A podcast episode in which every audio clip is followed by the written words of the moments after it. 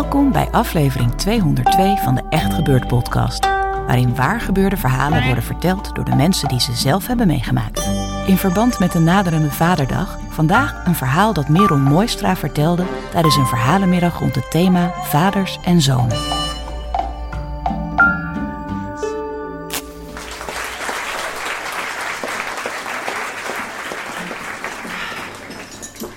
Op vakantie met mijn vader.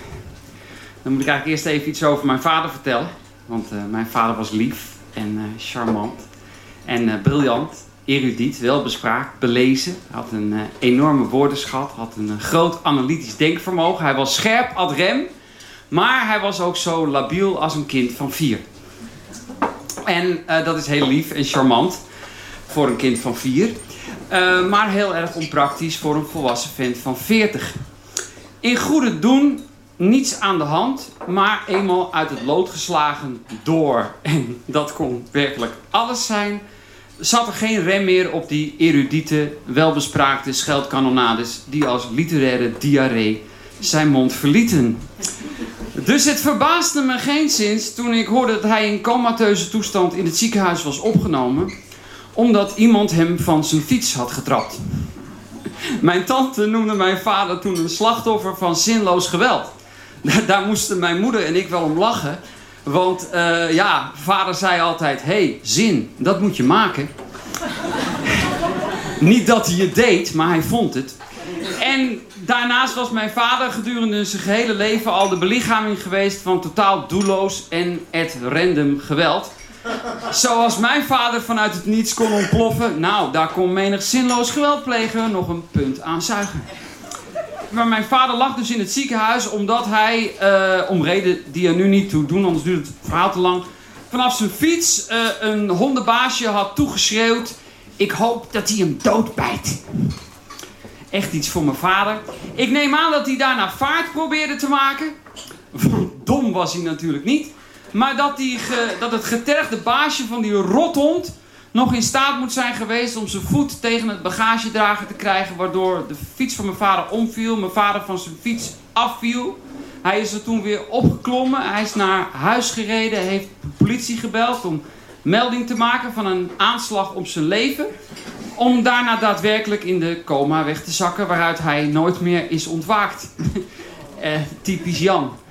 Zo heette mijn vader.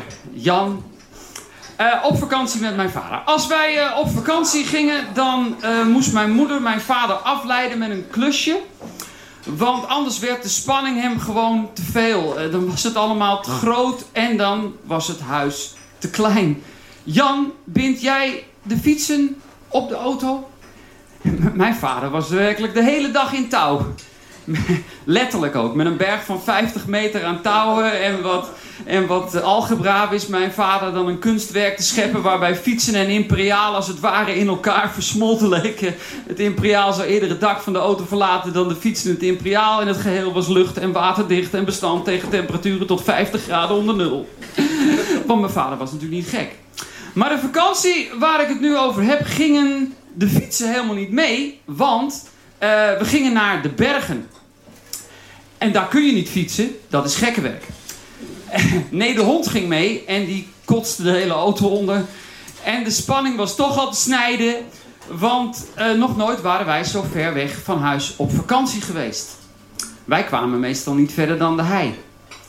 En uh, wat mijn moeder probeerde te bewijzen met deze expeditie is me tot op de dag van vandaag nog steeds een raadsel. Maar gezien de exorbitante voorbereidingen die deze barretocht met zich meebracht, zou een buitenstaander eerder hebben geloofd dat we op weg waren naar de Himalaya dan naar ons vakantieadres in de Ardennen. Hoe dan ook, daar zijn dus bergen. En aangezien mijn vader uh, al menig handgeschakelde transmissie tot moes had gereden, omdat hij in gedachten verzonken in bochten vergat de auto terug te schakelen naar zijn twee, was mijn vader overgestapt op de meer bij zijn labiele toestand passende automaat. Maar die dingen hebben dus bergversnellingen. En aangezien er hier in Nederland geen bergen zijn, kun je niet oefenen met je bergversnellingen. En als je niet kan oefenen met je bergversnellingen, dan weet je niet of je bergversnellingen werkt. En als je niet weet of je bergversnellingen werken en je moet naar de bergen, dan geeft dat spanning. Extra spanning. En die konden we toch al niet gebruiken. Maar omdat wij om half twee die middag op plaats van bestemming moesten zijn en wij niet wisten of de oude Fortunus de barre tocht door de bergen zou overleven, werden mijn broer en ik om vijf uur s ochtends van ons bed gelicht. Om half zes die ochtend verliet de oude Fortunus in hoge spanning de oprijlaan aan de Jacob Katslaan 25 in Driehuis. Bij de Utrechtse heuvelrug is de spanning al werkelijk te snijden. Is dit een berg? Is dit een berg? Nee Jan, dit is een heuvelrug. Als de weg even verderop in België begint te glooien, stolt de spanning. Hij gaat van vloeibaar over in vaste vorm en probeert mijn moeder panisch een luchtgat in de spanning te hakken met de opmerking: Jan, misschien moesten we zo'n bergversnelling maar eens uitproberen. Maar als er even later verderop uh, daadwerkelijk stijgingspercentages op de borden komen, is de spanning gewoon niet meer te houden en neemt mijn moeder resoluut de handleiding van de Fortunus op haar schoot en dicteert in luide heldere stem de regels van de bergversnelling. Voet van het gas. Knop ingedrukt houden. Ik druk de knop nu in. Ik druk de knop nu in. Pook langzaam naar achter. Hij gaat naar achter. Hij gaat naar achter. Zit hij erin? Zit hij erin? En de auto reed gewoon verder. Hij reed gewoon verder. Het was een non-event van je welste. Zeker als je de opbouw in aanmerking neemt. Kwamen wij om tien uur aan op de plek van bestemming. Al waar wij met het hele gezin tot half twee die middag op een muurtje hebben gezeten. Tot het moment dat wij de sleutel van de bungalow op konden halen. Was het achteraf toch niet zo'n goed idee om al om half zes te vertrekken. Maar dat durfde niemand te zeggen. Want de bungalow waarin wij de komende twee weken kwamen te verkeren... was van zichzelf al heel erg klein. En de inventarislijst vermeldde een theesafe. En die was er niet. En hoe moest mijn vader nu het vel van de melk uit zijn koffie houden? Wij wisten het niet. Nou, enzoweiter, enzoweiter tot mijn vader de respectabele leeftijd van 71 bereikt, van zijn fiets wordt getrapt, in coma raakt en in het ziekenhuis komt te overlijden en ik naar zijn begrafenis moet. En dan presteren drie mensen het om vanaf het katheder richting de doos, waarin ik vermoed dat mijn vader ligt, te zeggen: Jan, je was een moeilijke man. En toen wist ik zeker dat hij dood was. Want bij leven had hij dit zeker tegengesproken. Sterker nog, hij was schuimbekkend van woede, dwars door het deksel heen gebroken. En toen viel er een last van mijn schouders, waarvan ik niet eens wist dat hij er zat.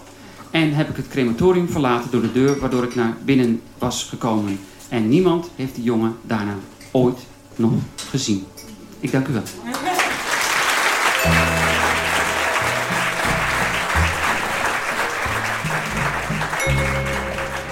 Dat was het verhaal van Merel Mooistra.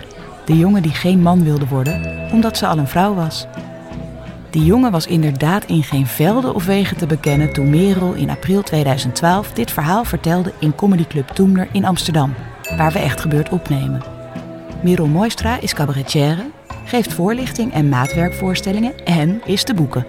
Kijk voor meer informatie op www.merelmooistra.nl.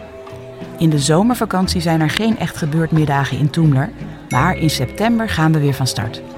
Zeer binnenkort verschijnt op onze website www.echtgebeurd.net het programma voor het nieuwe seizoen.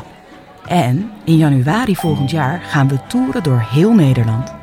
Op 15 januari 2020 is er een echt gebeurd voorstelling in de Leidse Schouwburg. Op 19 januari komen we naar de stad Schouwburg in Utrecht. Op 22 januari staan we in de Kleine Comedie in Amsterdam. Die voorstelling is helaas nu al uitverkocht. Op 23 januari in de stad Schouwburg in Groningen. En op 30 januari in het Luxor Theater in Rotterdam. Wil je naar ons komen kijken in het land? Ga dan even naar de website van het theater waar jij heen wil en koop daar alvast je kaartjes. De redactie van Echt Gebeurd bestaat uit Paulien Cornelissen, Micha Wertheim, Rosa van Toledo en Maarten Westerveen. Productie door mijzelf, Eva Zwaving. Zeiltechniek Nicolaas Vrijman en de podcast is in de vertrouwde handen van Gijsbert van der Wal. Dit was aflevering 202. Tot volgende week. En vergeet niet, als je een beetje ontspannen met je vader op vakantie wil, kun je het theezeefje beter gewoon zelf even inpakken.